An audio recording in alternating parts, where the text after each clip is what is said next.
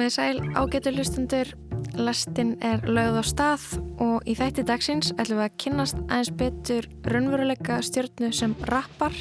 Við heyrum hvað Davíð Róts hefur að segja um Airwaves tónlistarháttíðina og svo kíkjum við á tökust á væntalegum íslenskum sjómanstáttum alls ekki hrættu með það sko, ég var alveg tilbúin for a beef sko, ég er bara tjá, you ain't shit and I'll show you ain't shit sko. Þegar ég kom á ákveðin stað í mínu langtíma sambandi, í mínu hjónabandi að þá fann ég sko, fann ég ofbúslega mikið skort á sögum um langtíma samband að það er rosalega mikið að sögum um ástina þegar ástin kveiknar að það er svo skemmtilegt og spennandi og, og, hérna, og, og náttúrulega skemmtilegt að horfa á. Þetta er einhvers konar svipriðalust og deadpan möndbrutekning nýhílisku dataismi ofan í dundrandi bassatrómukerslu og júfóriskar synþa-arpeggjur þannig það er ómögulegt annað en að hoppa í takt við eigið sjálfshattum. Ég heiti Lóa Björg Björnstóttir og þetta er lastinn 5. daginn 10. november.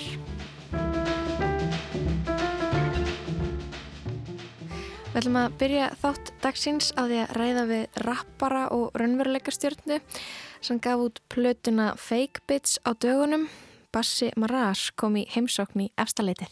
Boy, boy, boy, ég er slappur og slói. Broke boy, please ekki snerta mig, oi. Assalamu alaikum, en ég elskar líka svín Sætti mig í handjött og ég reyði löku bí Get ekki batna því ég reyði raskat Ég rúla og matla svo ég hafi list. Taka og taka, gef ekki tilbaka Ég leggta út flata en borga mig fyrst. Fake bitch, ekta tits Píka mín ei fett shit. Innigli þettis, þú ert enginn sem ég þekki. Nefnum ég linka upp með bassa til að verða fucking ríkur. Við erum ekkert nema hits, við erum ekki að gera skvísu. Hann kemur úr grafvóinum, hann rappar, hann er raunveruleika stjarnar og hann heiti fullunafni Sigurjón Baltasar Viljánsson en flestir þekkjan sem Bassa Maras, verðstu velkomin Bassi. Takk fyrir, fá mig. Nú í lok oktober kom út platan Fake Bitch. Þetta er fimmlaða plata, byrjar á læginu Fake Bitch þar sem Patrikur Hæmi og Benny Glee eru með þér. Hvernig var að gera lag með bestu vinnum sínum? Það var bara ógíslega gaman og þetta kom sko til út að það var sendt á okkur svona hljóðskilabóð og það sem vinkur okkar var að drilla bara yfir okkur fyrir að segja ég getur að hafa ekki með daginn. Og það bara yeah just fake as hell. Og bara drilla yfir okkur. Og ég ákvaði að sampla og svo var ég bara vá hvað var gaman ég myndi fættir að fá að binna á patta líka.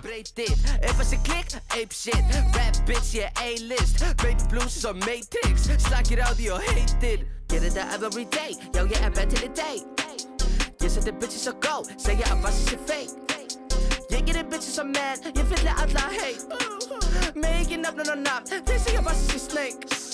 Passaðu bakið því ég tala bak við því Svík ykkur öll mér er drullið hattu mig Ég er á TV, ég teg bara aðri Ég segi ekki sorry og meina að Fake bitch Fuck íslenski fánin, ég elska red flags. Og þetta lag, þetta fjallar um að uh, vera með leðindi, vera með drama, baktala.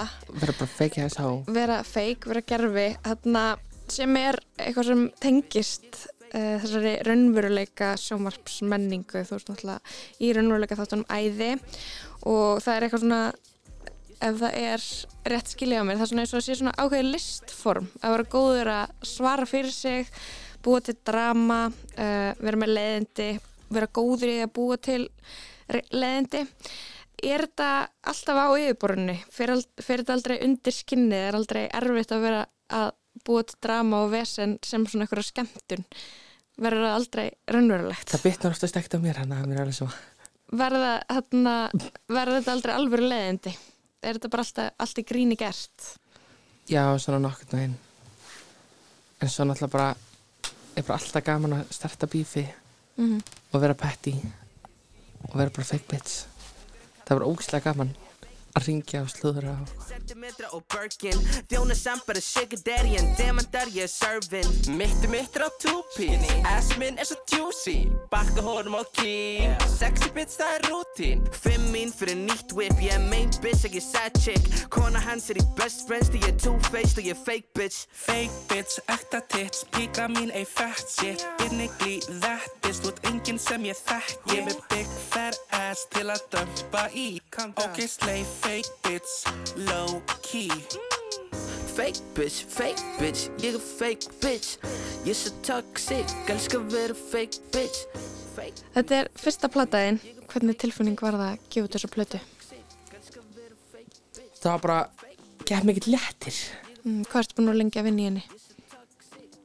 Fattur platan sjálf að taka hana upp? Tókur glæsna halvt ár svo var eftirvinnslan svona eitt og halvt ég er bara búin að sitja á sig ógislega lengi Mm Öll lögin á þessari plötu, þú veist að vinna um með Bangor Boy, Martini Hjartasinni. Segð umræðans frá ykkar sambandi. Hvernig er samstarf með Bangor Boy? Hvernig er sambandi í því? við erum alveg bestu vinnir og ég alveg fyrst þegar ég kom til hans þá var ég bara uff hann er bara út með hennan homma úr þessu stúdíu sko. en svo bara ykkur neginn bara eru við bara gekk góða vinnir og hann er bara aðeinsleir Mm og rókslega gaman að vinna með hann Þið tengi í tónlistinni. já, já ég held að við hlustum líka alveg á svipa tónlist held ég. Mm Hvað hlustar á? Nicki Minaj bara. Hún er alveg bara my icon, ég er alveg bara að elska það Segist þér að freak, en hún liggur eins og lík. Kalla hana guppi því hún gef bara slín Ég ríði upp á hraunni svo veist að ég er street. Já, hann hjælt mig niður því hann veit að ég er freak Assalamu alaikum, en ég elska líka svín Setti mig í handjött og ég reyði lögum bíl Flexa ég er flashy. Þetta er allt bara mjög skemmtilegt ferli. Það er ekkert svona, þegar ég er að gera þetta það er ekkert sem er svona það er engin leiðilegu partur fyrst mér. Mér finnst það allt bara ógislega gaman. Og svo langar mér bara að halda fram að skapa og gera svona öðruvísi tónlist líka. Bara syngja. Og ég er alveg singer, fólk veit það ekkert ég er alveg how singer fólk er bara what býðaði bara sko Hvaða tónlistamanni langar að vinna með næst? Eða tónlistakonu? Vá, um, ég var til að vinna allavega með GTRN og Sigga Bentins aftur. Ég elska Sigga Bentins, það er bara guðminn almáttur. Þegar ég hitt hana, fyrsta skipti face to face, bara close up, skilur, ég var í sjokki hvað hún var lítil og hún er bara pínlítil og bara algjört partí og bara ógislega gafnir í kringum hana. Þannig að maður endilega að vinna ógislega mikið með henni. Er hana. hvað er uppáhaldslæðið þitt með Sigur Bintens? ég man ekki hvað heitir en því ég var í Tælandi þá vorum við með þá vorum við bara með gísladiska til að hlusta á og það aðeins var bara old ass time og og hvað er þetta aftur? Og við vorum alltaf að hlusta á einhvern eitt disk með henni. Og það er eitt lag sem er svona og heiminin er hár, heiminin hár en heimur okkar agnar smá Já, þú, þarna, einstætt einlaug þöguleg full af söng. Þú rappar um þetta á, svo grimm en samt svo undirljú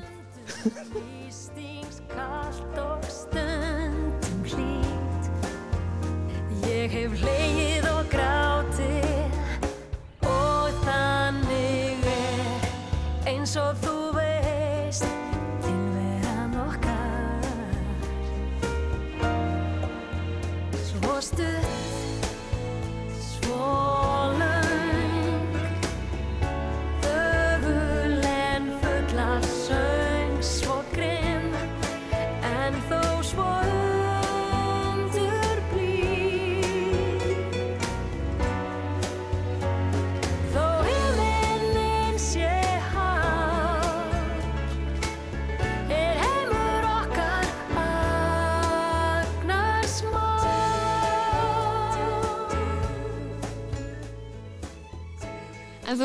aðeins á tælensku á plötunni. já, Er þetta, þarna, talaru smá tælensku? Já Ég tala alveg bara alveg bara svona, svona basic hluti ég get alveg að redda mér en mér langar samt að fara að læra mér Mm. Hvað, hvað, hvað kemur til og kann tælensku?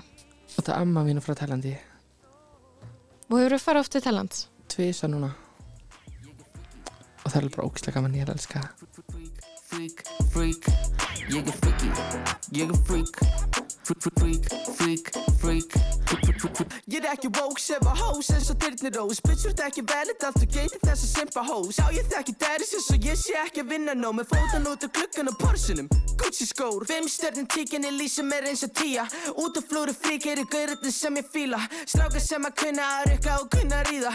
Nulla skatta skýslu til þið færa þetta hvita uh. Ég anga með brygg, en ég er engin múrari. Ég guðinn á hreinin og allir þar eru trúari vinnur Hann hamnar mig á kvöldin en hann er svo diggur smiður tölum að sem að vera samkynni rappari, finnst þér eins og uh, í þessari rappsenu, þú veist, aðri rapparar, þeir sem hlusta á rapp, rapp aðdándur, finnst þér eins og þetta fólk sé tilbúið fyrir samkynnaðan rappara, fyrir rappteksta sem fjalla um kynlíf, karlmanna, uh, hvernig hefur þið verið tekið? Bara mjög vel, sko. Ég held ég álega bara í góða sambandi við held ég bara flesta alla sem er að gera rapptónlist í Íslandi, sko. Mm, Finnur ekki fyrir homofóbíu? Nei. Alveg bara ekki neitt, sko. Ekki enda bara í daglega lífi, sko. Heldur þú hefðir, þarna, hefðir búist við því? Var það eitthvað sem varst kannski hrættur við að þú byrjar að gera tónlist að Alls ekki hrættu við það, sko. Ég var alveg tilbúin for a beef, sko. Ég er bara tjá, you ain't shit and I'll show you ain't shit, sko. Ég er alveg með þetta. hlustar á okkur aðra samkynna rappara? Uh, Lil Nas X og Kid Ken líka. Mm En eru ykkur aðra á Íslandi? Þetta er engin sem ég veist af. Sjána dansa, sjána dansa, oi, sjána dansa. Ekkert vaselín, junkar um adrenalín. Tek hundri back, titsi mín á binni glý Þú ert með vandamálin, við gerum bara grín á því Ég er toxic king, pull upp með bass, toxic queen. Lagið Toxic Þetta er lag með rapparanum Byrni Já, Segðu mér hans frá þessu lagi, hvað fjallar það um? bara að vera toxic. Og bara, bara þróna við og bara shit, skilur. Hvernig var að gera lag með Byrni? Það var ógislega gaman. Hann líka bara ógislega næs. Ég held alveg að hann verið of shit. Ég skal alveg segja, að ég held bara að hann verið piece of shit. Svo bara hitti hann og þetta er mjög stæðlega bara, þetta er ekkert að því að vera piece shit. Ég held að hann verið bara svona, ekki svona piece shit, svona, að þessi hvað er piece shit. Mér er svona bara svona kallrampa, skilur. En svo hitti hann og hann bara eitthvað, wow, ég var bara, ok, hann er alveg bara wise beyond his years and very handsome while doing it, sko. Ég bara, ok, living. Þannig að þau ert ekki að rappa, þau ert ekki að leika í raunveruleika þáttunum æði hvað hva ertu þá að gera, hvernig er lífið þitt, Ég bara að vinna. Hvar vinnur þið að rafnustu ég er bara í ykkur smá prósendu þar þannig að ég er náða til fyrir að vinna þar. Og svo er ég bara að fara í fyrir að degi í Paradísdalinn út að lappa með hundarinn mína. Mm, hvað er þetta hundarni einir? Tímon og Pumba. Ég brýt múra, pinnigli er ekki dúlla. Get the bag, ég er að sækja þetta múla Tölum að þessum lagið Áslög Arna. Þetta er lag sem hún gerir með Krabbamein, rapparunum Ástþóri Hjörleifsinni og ég fór að rifja upp uh, mars 2021 þegar að þarna þú týstir, ég er svo hugmyndaríkur að ég ætti að gera hugmyndi fyrir sjálfstæðisflokkin og Bjarni Benediktsson for, formaður sjálfstæðisflokkin svarar allar hugmyndir vel þegnar. Og þá uh, svarar hún tilbaka og þú svarar hér er hugmynd hvað er nýja stjórnaskráin with your dumb ass face you ain't eating but I swear you got some bum ass taste sem er þá bara, er ekki vísun í Nicki Minaj. Yeah. uh, um hvernig verður að redda með reikning í Panama with your scamming ass með uh, svind, það sem kall, þá kallar hann svindlara. Uh, allavega nota peningin sem að skema, svindla á fólki í að kaupa anda mér Birkin sem er uh, svona dýr handtaska. Þú varst ekki til í að vera vinnur fólks í sjálfstæðisflokknum, ertu pólitískur? Er ekki skallega að vinna þeirra skilju Jú, jú.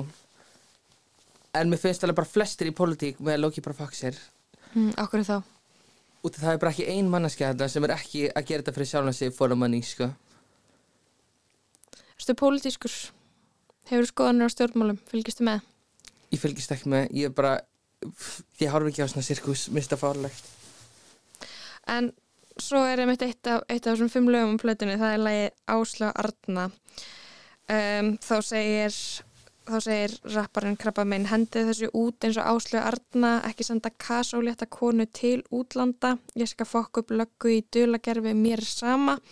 Það veit engin lögguríki um hvað erst að tala. Ég er að henda þessu út eins og ásleg aðna Ekki senda leta konu til útlanda Ég skal fokk upp lögg í dula gerfi mér sama Það vil engin löggur ríki um hvað ert að tala Já, ég er píka, you are what you eat Ég var Þannig eru þið sammála þarna, þið tveir rappararnir, eru þið ósáttir með meðferð Íslenska ríkisins á flóttafólki?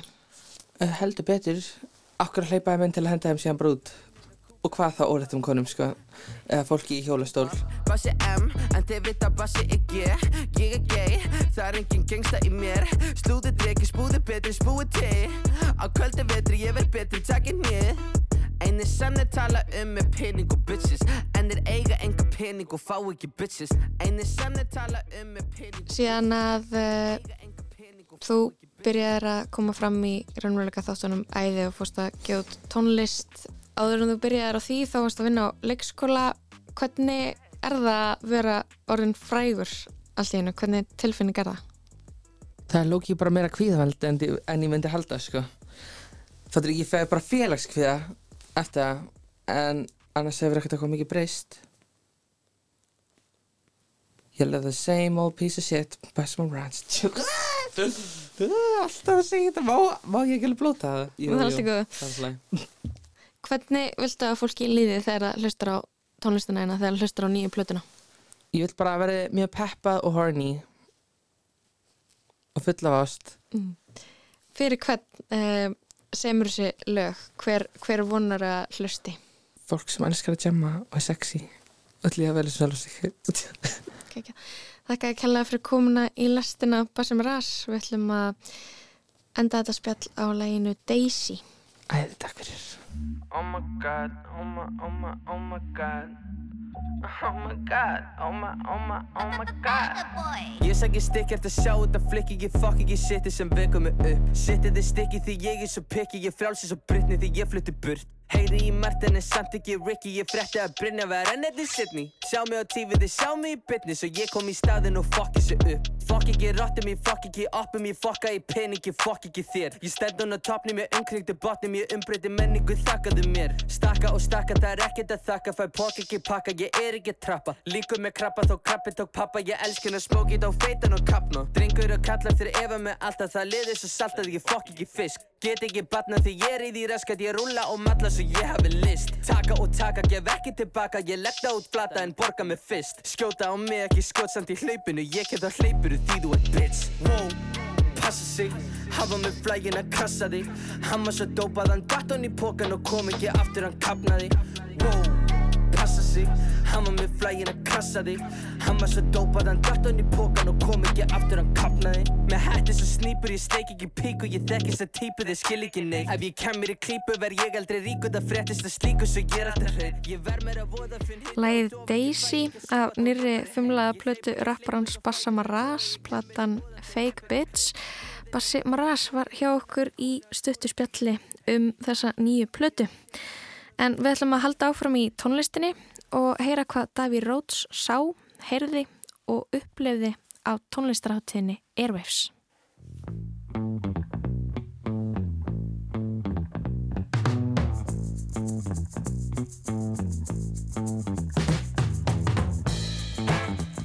Síðustu helgi snýri Æsland Airwaves loksins aftur í miðbæð Reykjavíkur eftir þryggja ára hlýja. Þó háttíðin hafi verið eilítið smarri í sniðum en stundum áður var hann þó frábær skemmtun og endur koma mjög kærkominn eftir tvö mögur COVID-ár nú þegar skamdiði sullast yfir landa.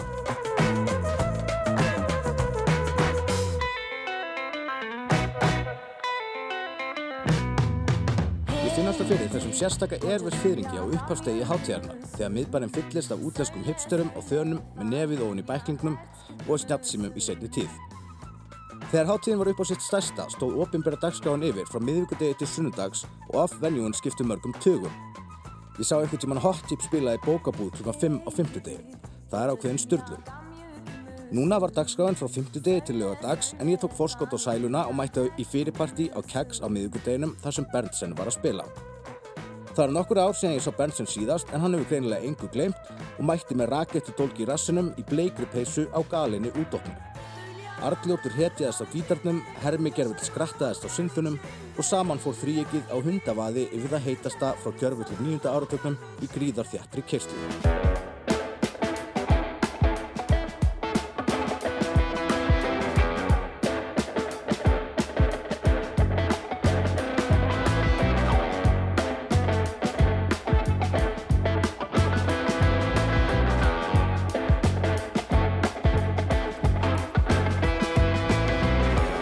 fymtudeginu var eins og mættur aftur á kæks til að sjá Ara Aurelius sem að ég mæriði í pisli á þessum vettvangi fyrir stuttu síðan. Hann spilar ósungna grúftónlist með alþjóðlegum og exotískum ströymum sem minnur stundum á bandarísku sveitina Kruang Ben. Hann var betri en þegar ég sá hann síðast og við hljómsveitina sem samastendur auk hans á gítar af trommum, konga og bassa hafði bæst hljómborðsleikari sem greip einstaklega sinnum í trompen, auk þess sem kongaleikarin var með sílafón á kantinu. Trompetin tókaði sum lögin út í Ennio Morricone-lega spagetti vestra dramatík og önnur út í 70's Fusion Weather Report og bandi keirði sig í gegnum settið af feiknalugu öryggi.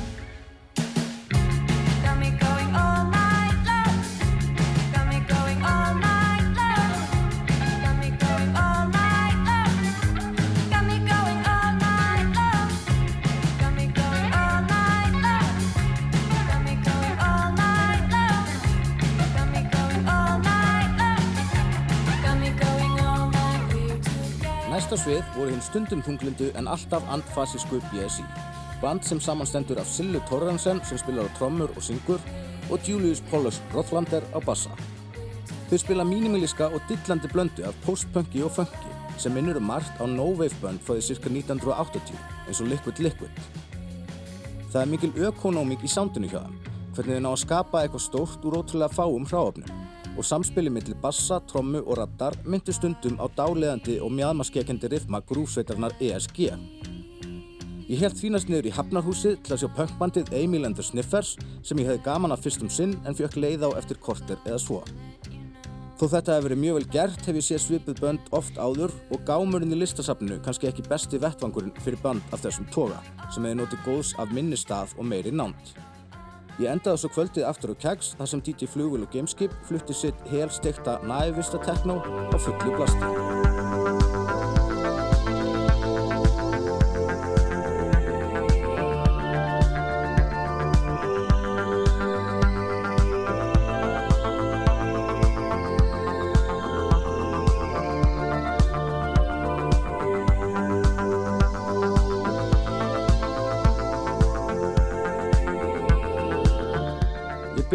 Byrjaði daginn snemma á því að mæta í kirkju þegar ég svo tónleika organistans Kristjáns Hrannars Pálssonar þar sem hann lék plötuna Discovery eftir Daft Punk í heilsinni á reysastort orgelið í Hallgrímskirkju. Það er ótrúlegt þrekvirki að útsetja og spila jafn flókna og margbrotna plötu og Discovery er á eitt hljóðfæri en Kristjáni fórst það gríðar vel úr hendi á einstökum viðburði sem var bæði hátilugur og taktfastur og gæsahúðin reys hátt þegar hann þandi orgelið til þess ítrasta í lögum eins og Aerodynamic, Superheroes og Vertis Quo.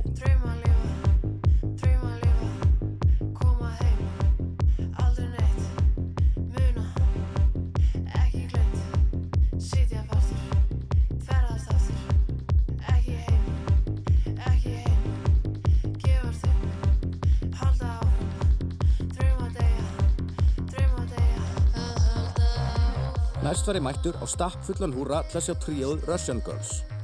Þau voru velunnið fyrir besta raftónlistalega ársins á íslensku tónlistavelunum fyrir lagið Halda áfram, lag sem kjarnar væp sem ég finnst algjörlega þeirra eigin. Halda áfram, gefast upp, draumar lifa, draumar deyja, koma heim, aldrei neitt, sitja fastur, ferðast aftur, muna, ekki glemt.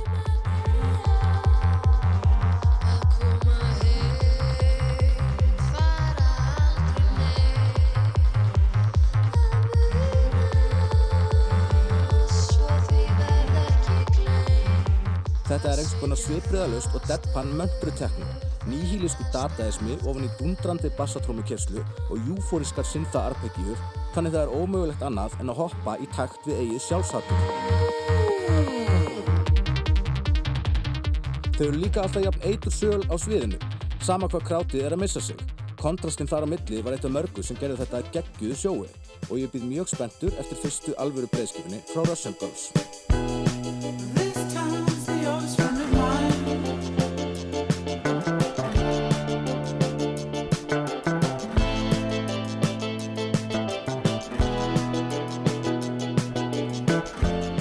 Breska djamsveitin Metronomy hjælt fyrir einustu sálu spriklandi í Hafnarhúsinu með sinni einstöku blöndu af indísvita og diskóskotnu skúturokki. Þetta er þjætt band sem er jafnvel heima á snekkjunni og dansklubnum og það brutust út mikil fagnalæti í slögurinnum The Bay og The Look. En ég hefði jafn gaman af instrumental langkundum þar sem synþanum var hleyft á skeið í tilkomum miklum sólóum og flugöldasýningum. Frábært sett en það átti eftir að vera betra.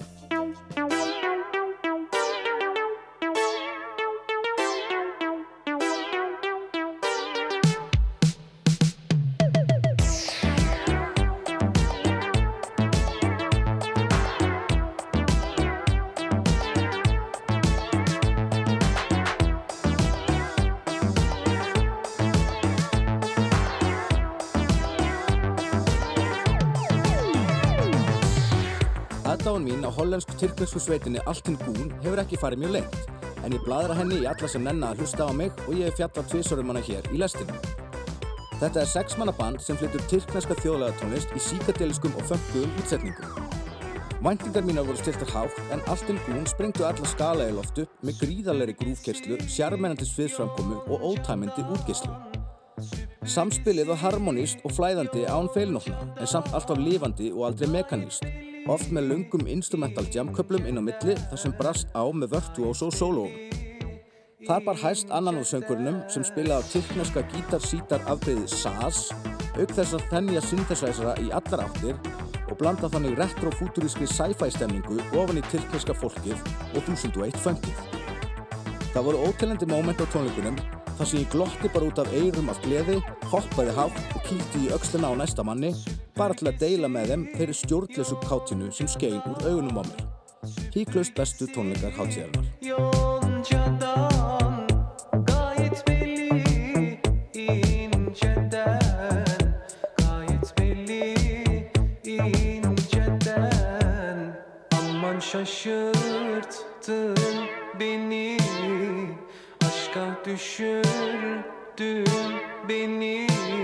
Á lögataskvöldinu hóf ég svo leikinn á sveitinu Lotto á Keggs sem leik vandað indie pop sem myndi stundum á 90s bönd eins og Jóla Tango.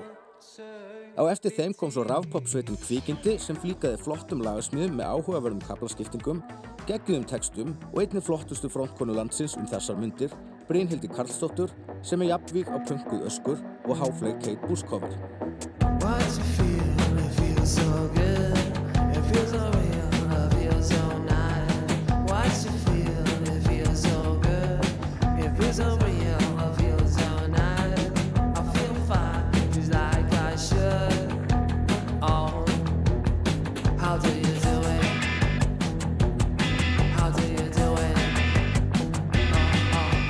Það var smekkfullur og svítamöttaður húrra sem tók á móti mér þegar ég mætti. Klukkan að nálgast hálf tólf, skrattar næstur á svið og eftirvæntingin áþreifanleg. Skrattar komið loks á svið, fóru úr að ofan og upphófst kaotísk hópsturlun næsta hálftíman eða svo sem erfitt er að henda reyður á eða staðsetja sig. í. Sándi var geggjað, þú stegst í glerbrott allstaðar, það var öskra á þig úr öllum áttum. Frontmennandi Sölvi og Kalli alltaf einhvern veginn í andlitinu þar og þú varst hvergi óhulltur fyrir bjóslettum eða mossbyttunum sem yfirtók allt dansgólfið á síðari hluta tónleikana. Skrattar eru fenómen, hættulegasta og mest lífandi band landsins. En að þeim loknum þá hljópi svo yfir á Iðnó og náði tveimur lögum með unstinni þar sem síðasta leiði Púki sprengdi algjörlega þakið af kofanum. Þessi nýja teknopop stefna sem hann er að færa sig út í er allrar aðtikli verð.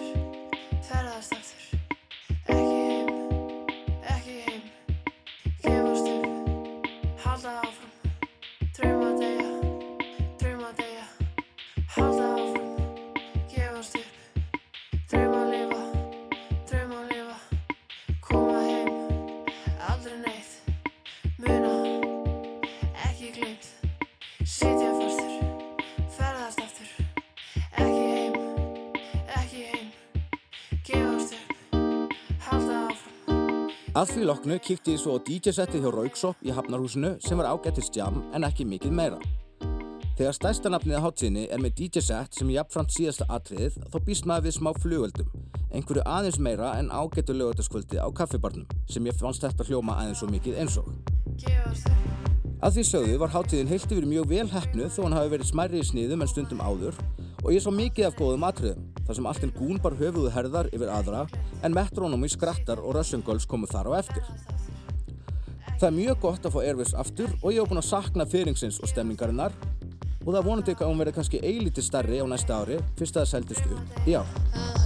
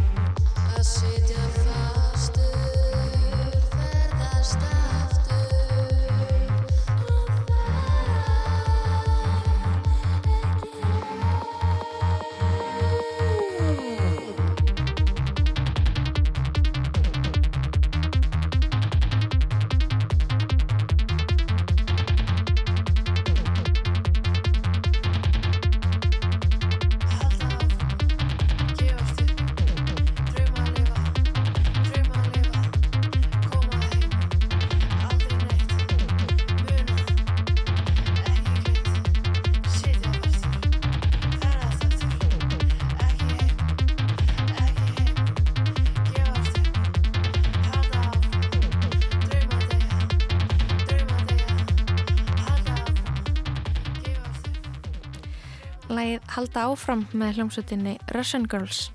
Daví Róts saði frá Airwaves, hún fannst hátíðin heilt yfir vel hefnuð og hún hafi verið smerri í sniðum en áður þá sá hún mikið af góðum atriðum. Daví segir það gott að fá Airwaves aftur, hann var búin að sakna stemmingarinnar og vonar að hátíðin verði stærri á næsta ári en það seldist upp í ár. En við ætlum að fara úr tónlistinni yfir í sjómanstáttarframleyslu. En þann 12. september síðastliðin heimsótti Kristján Guðjónsson tökust að nýra íslenskra sjómanstáttar. Þetta eru þættir skrifaðar af Anitu Brím og auk þess fer hún með aðalhutverk í þáttunum. Þættirnir eru sambandsdrama um langtímasamband og nefnast Svo lengi sem við lifum. Kristján fekk að lappa um settið, skoða leikmyndina og spjalla við Anitu og leikstjóran Katrínu Björgunsdóttur.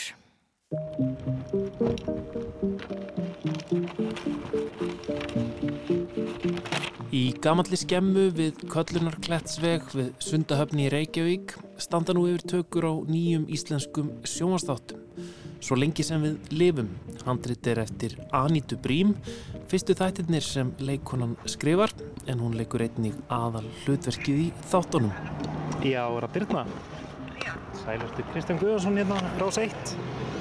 Já, hæ. Hæ, herðu, ég held að ég sé komin. Ég frétti út undan mér af þáttunum og tókst að fá leifi frá framleiðslu fyrirtækinu Glass River til að heimsækja tökustæði. Bak við húsið eða áfram. En já, hann er græni skórar, ég sé það á. Á vef kvikmyndamiðstöðar segir að þetta sé sambandsdrama, relationship drama og fjallu um betu tónlistakonu sem var eitt sinn svo efnileg en er nú komin í krísu hjónabandið hangir á bláþræði og hún er ekki að standa sig að vel í móðurhlutverkinu og hún vildi. En þegar ungur maður flyttur hún á heimilið til að hjálpa með barnið fara hlutirnir af stað. Svolítið umgangur af fólki hérna. Ég held að fólk sé komið í hátegismat mögulega. Klukkan er eitt á förstu degi og ég er mættur til að hitta konurnar á bakvið þættina, Anítu Brím og leikstjóran Katrínu Björgvinsdóttur. Tökuleiðið er komið í hátegismat, gæðir sér á gyrnilegri kjöt eða vegan kássu af hlaðborði og kastar öndinni. svolítið þægilegt að vinna í svona litlu áreiti og ég legg til að við séum bara alltaf með svoandi barnasýndi. Á meðan borðað er faraðu líka yfir komandi verkefni, hvar senur verða skotnar og hvenar.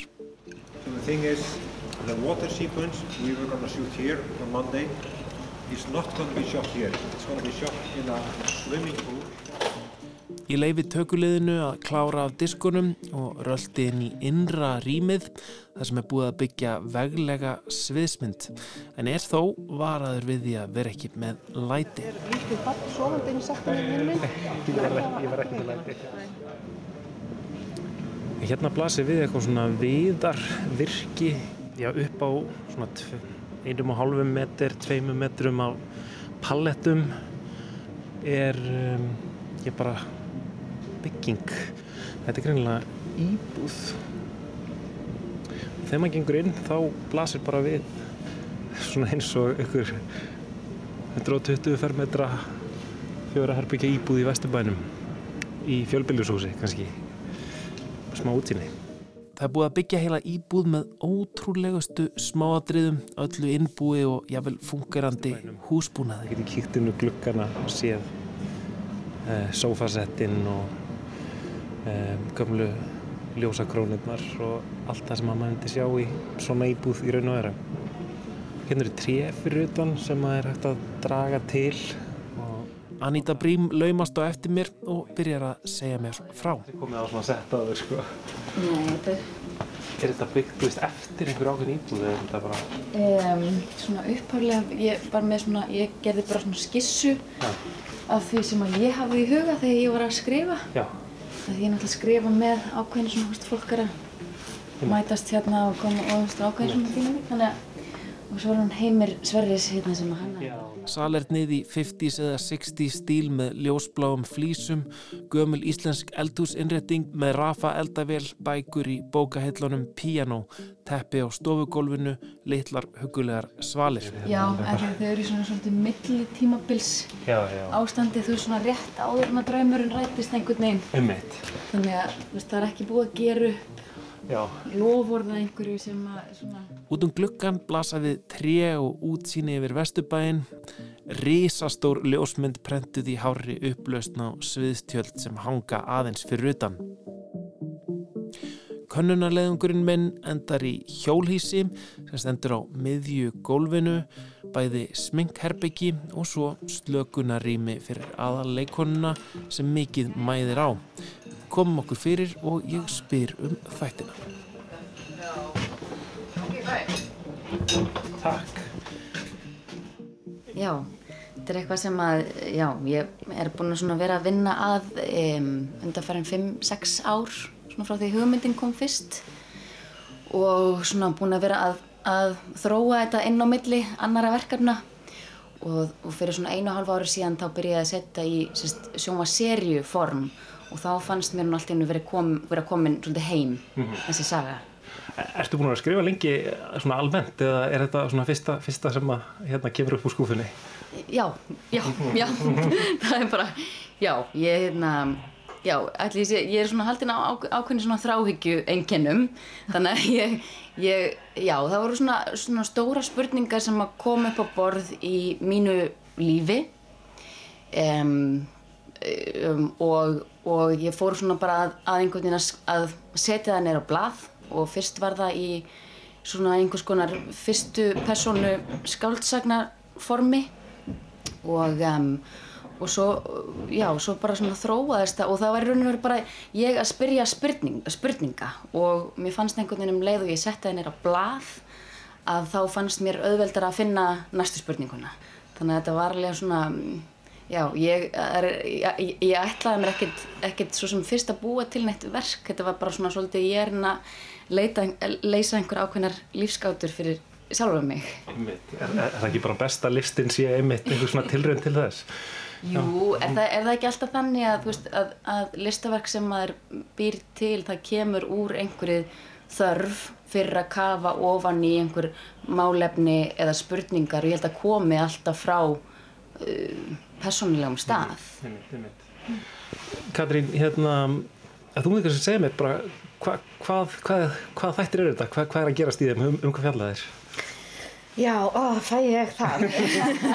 hérna, þeir fjallaði um betu sem að hérna andarleikur sem er kona sem að hérna er komin á svolítið svona endastöði í lífinu kannski uh, er í hjónbandi sem að er orðið svolítið svona þreytt og hérna og nýtur allan þessum tíma í að sjá um barnið sitt sem er rétt rúmlega einsás og, og vantar kannski bara svona smá svona einhverja svona glæður eða eldmóð í lífið sitt til þess að svona vekja sig aftur til lífsins og hérna og ég veit ekki, kannski vil ég ekkert segja of mikið hvað gerist en, en hún finnur alls konar vilt þú bæta einhverju við?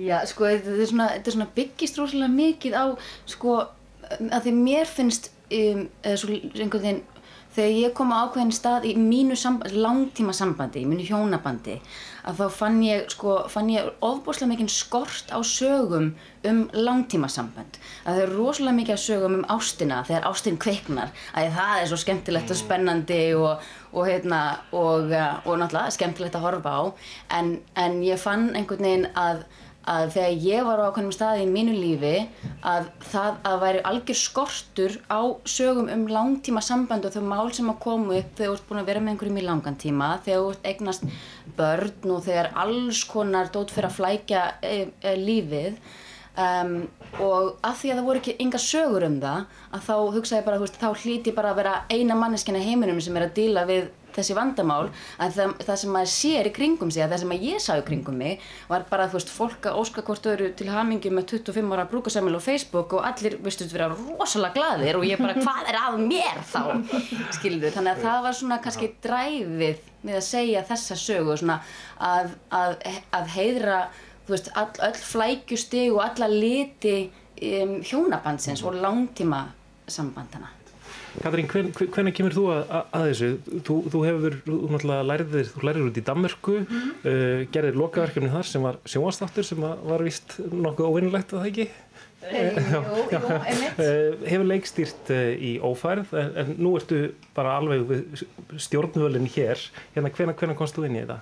Já, einmitt, ég var náttúrulega svo heppin, ég var búsett í Danmörku þegar hérna, uh, þegar ég frétti af þessu verkefni, Baldvin Seta, framleiðandi, vinnu minn og gamall starfsfélagi, hafði samband við mig og á þeim tíma var ég búsett í Danmörku og búin að skrifa uh, serju upp úr þessari loka, uh, þessu lokaverkefni mínu sem var nýbúið að leggja sagt, niður eftir tveggja ára handrýtsvinnu og átti ekki að gera.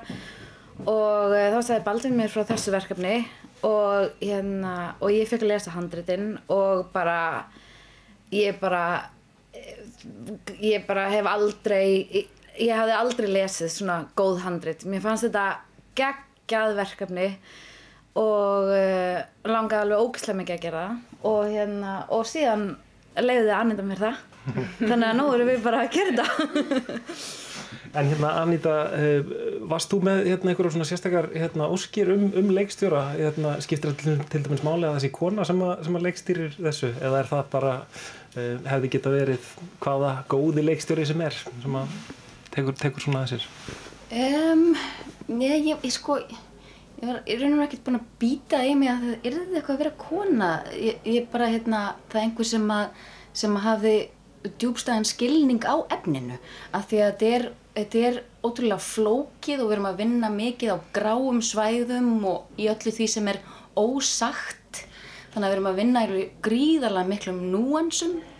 Þannig að, að þegar Katrín kom, kom til leiks og við byrjuðum að spjalla og svo leiðis og bara hérna, hún er svo um, ótrúlega næm á efnið og dramaturgíuna og, um, og, og klár þannig að, hérna, að það einhvern veginn, þú veist, þegar við byrjuðum að, að spjalla einhvern veginn þá, þá vissi ég að þetta væri rétta manneskjan fyrir að því þetta er, þetta er, þetta er mjög, þetta er óvenjulegt efni, það er ekki beint að segja að þetta er eins og þetta eða þetta. Þetta er svona svolítið sitt eigið dýr og, um, og þannig að, já, að, að hafa einhvern eins og Katrínu sem náttúrulega kom á þessu frábæra námi og er svona ótrúlega hæfileikarík og hefur svona djúpan skilning á því sem við erum að gera um, var, var náttúrulega bara ómetanlegt. En er ekkit óþægilt að vera með handritshöfundin svona manneskina sem, að- sem að býr þetta til að vera með hana er Einmitt. Nei, það er eiginlega bara hérna alveg geggjað út því að einhvern veginn ég, það er ótrúlega gaman að vinna með leikonin sem að hérna veit sko allt um sen, hverja einustu senu sem við erum að fara að gera. Og það er eiginlega bara þannig að þú veist, Anninda er náttúrulega sko okkar allra besta leikona og hérna hún neglir bara hverja einustu senu sem við gerum að því að hún, hún skilur efnið niður í kjölinn og það er ótrúlega gaman að hérna að það er einhvern veginn hægt að hoppa yfir eitthvað ákveðið skref og það er bara hérna hún er þú veist, hún, hún bara er búin að fara í húðina á betu þú veist, þannig að hún þekkir hennan karakter út og inn og það er bara ótrúlega skemmtilegt. Og það þýr líka að við getum svona settistundum að breyta saman og hérna það er bara hérna gaman. Get beðan um að skrifa nýja línur eða það vantar Já, en að því að sko eins og ég líti á það þá er sko handrita skrifin eru sitt eigið sköpunarferli. Og svo þegar maður kemur á sett þá eiginlega hefst nýtt sköpunarferli. Það sem að, að, það sem að allir koma að og, og þú veist, leikara leikstjóri en, en það er líka allir sem er að vinna í krúinu, það eru allir að leggja eitthvað til og þannig að, að dýrið breytist alltaf í þessu sköpunarferli og svo er eiginlega annað sköpunarferli sem er eftirvinnslan og klippið og svoleiðis þannig að, að það er bara dásamlegt að einhvern veginn að núna eru við í þessu sköpunarferli Mhm. og það eru að, þú veist, að sjálfsögðu og, og sem betur fer veist, breytast og þróast hlutir veist, það bara, þeir bara diffka og verða betri eftir því sem að veist, allir þessi flottu listamenn í öllum deildum koma að því og leggja sitt til Og hva, hvar eru við stödd hérna svona í, í tökuferlinu núna? Hva, hérna, hvern, hvern- hvernig gengur þetta? Hvað eru þið komin langt? Já, við erum á degi 23 af 48. Þannig að við erum að verða hálnuð uh, og uh, erum hérna búin að vera að skjóta hérna inn í þessari skemmu eins og segir í svona íbúð betu sem er búið að byggja hérna inn í þessari skemmu. Búið að byggja heila íbúð. Er, er þetta venjulegt eða hvað? Þessi byggð heil íbúð, svona vesturbæjar íbúð einhver uh, gömul? Þetta er nú kannski ekki, þetta er ekki alltaf gert sko, þetta hefur alveg verið gert og hérna kannski gert meira úti. Uh, en uh, já, við erum svolítið, hún er náttúrulega svona eðli söguna samkvæmt, er hún mikið heima. Þannig að við ákvaðum að leggja svolítið mikið í það og hérna leikmynda hennar nokkar. Heimir Sverrisson byggði þessa geggjöðu íbúð. Uh, sem Já. er ótrúlega gaman að skjóti í og hérna og, og auðveldar vinnuna alveg rosalega mikið að hérna, geta fært til veggi og hérna og allt er einhvern veginn hannað eftir kunstnarina reglum. Þannig að sé gaman að horfa á það. Já, og, og líka kannski að því að heimilið er svo stór partur af sögunni. Mhm. Heimilið er svona eins og um, annar fjölskyldu meðlemur. Þú veist, þú heldur utan um þau og stendur svolítið fyrir hvar þau eru í lífinu. Þannig að umhverfið, það sem við erum að eyða mjög miklum tíma, það, það var mikilvægt. Þannig að við vorum bara ótrúlega heppin að bæði fá alveg rosalega gott fólk í lið með okkur og, og að framleiðendunir okkar voru, voru tilbúinir til þess að hérna, til þess að fara í, í þessa útfærslu með okkur.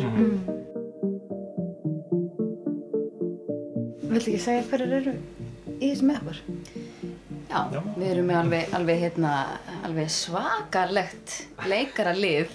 Um, þess að hérna, ég og, og um, sænskuleikari sem heitir Martin Wallström um, sem er þekktur leikari í Svíþjóð og, hérna, og, og, um, og já, bara út um allan heim og hann er alveg stórkostlegur og, hérna, og svo er Mikael Koper í stóru hlutverki og um, svo erum við með Hilmi Snæ og Ólaf Darra og við erum með um, nokkra belgíska alveg kanónu leikara um, Katla Margrét og, og Þorsteinn Backmann Já, þetta eru svona helstu karakterinir okkar Já. þannig að við erum alveg ótrúlega heppin með Og svo með náttúrulega Gunna. og Gunna, já í fjórða aðalhlutverki í þessari seríu er sem sagt 17 mánada lítil stúlka Já. Ég heyrði það út undan mér að það væri mjög gott að vinna á setti með svona lítið þeir var allir að passa sig að, að- vekja hann ekki þegar hún var að leggja sig og svona. Já. Já, einmitt Gunna er náttúrulega einstakt barn. Já. Hérna, hún er alveg sérstök og ég, hérna, ég hafði miklar áhyggjur af þessu að vera með svona lítið barn svona mikið á setti, alveg bara, hérna, ég var bara, gæti eiginlega ekki sofið út af því og síðan, hérna, en þegar við fengum hana, hún er bara alltaf svo glöð og hún gerir alltaf allt eins og, hérna, kallar annundu mömmu og bara, hún er ótrúleg. Við skulum fylgjast vel með henni í Já, framtíðinni. einmitt, ég er sammála því, fylgjast vel með þessari stúlku, sko. En já, þið ætlaði að halda áfram, ég ætla, ég ætla að le- leyfa ykkur að klára að borða hátegismat og svona, hérna, getið þið samt eitthvað sagt mér um er að fara að skjóta núna eftir, eftir hátegi? Heyrðu, já, einmitt, við erum að fara að skjóta hérna senu með Anitu, nú er ég bara að segja Anitu núna, hvað Já, einmitt, já, segðu mér hérna. Við ætlum að skjóta hérna senu þar sem að hún fær uh, bref með vondum fréttum og Mjög slæmum fréttum. mjög slæmum fréttum. Já. og hérna, og fer í það já, svona, fjöla sönnunagögn svolítið. Já, já Spennandi, spennandi, kryptíst. Já. Hérna, en já, ég ætla, ég ætla, Anita, ég ætla að lefa þér að klára að borða hérna inn í, inn í hjólhísinu. Ég hef aldrei komið inn í svona hjólhísi á setti, svolítið flott. Hérna já. Já, bara svolítið, svolítið kósi. Mhm. Svona smá svona meiri ró frá kliðnum hérna úti. Já, æ, það er svo, hérna, þegar maður er að taka svona, þú veist, að ég er eiginlega í hverju einustu senu og það er oft, þetta er eiginlega allt alveg ofbóðslega krefjandi efni og þá bara hafa eitthvað rými sem maður getur, Mhm. hérna, um, verið aðeins í þögn á því að við, maður þarf að undirbúa sig á mjög skömmum tíma og ofta endur stilla sig í næstu senu sem er kannski í öðrum þætti þannig að þannig að til þess er þetta nú svona gerst, gert að því að við erum að, að vinna rætt á, á mjög krefjandi hátt Einmitt, einmitt. Já. Uh, Anita og Katrín, takk kærlega fyrir að hitta mig hérna um, á setti fyrir þættina svo lengi sem við lifum. Takk sem leiðis. okkur, takk, takk. Heyrðu, ég ætla að drífa mig hérna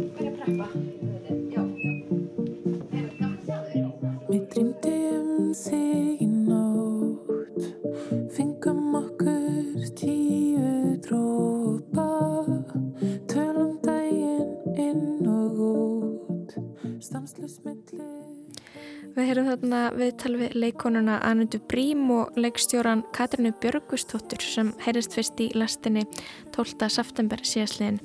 Kristján Guðjónsson fekk að mæta á tökustaf þáttana svo lengi sem við lifum en Anita Brím skrifar handritið og leikur aðalutverki. Þegar við þær Katrínu og Anitu var rætt þá voru þær á tökudegi 23 af 48 en nú er tökum lokið og þættirnir eru komnir inn á borð klippara og klippararnir sem að sjá um verkið eru þau Valdís Óskarsdóttir, hinn eina sanna, Sigurður Eithórsson og Guðlur Andri Eithórsson. En eh, við ætlum að ljúka lest dagsins í dag á læginu Alein með Nínu Solveig Andersen. Það koma leiðalokum hjá okkur í dag. Við verðum aftur á dagskrá á sama tíma á mánudaginn. Ég heiti Lóabjörg Björnsdóttir og þakka samfélgin í dag. Tæknmaður er Lítja Greitastóttir. Verðið sæl.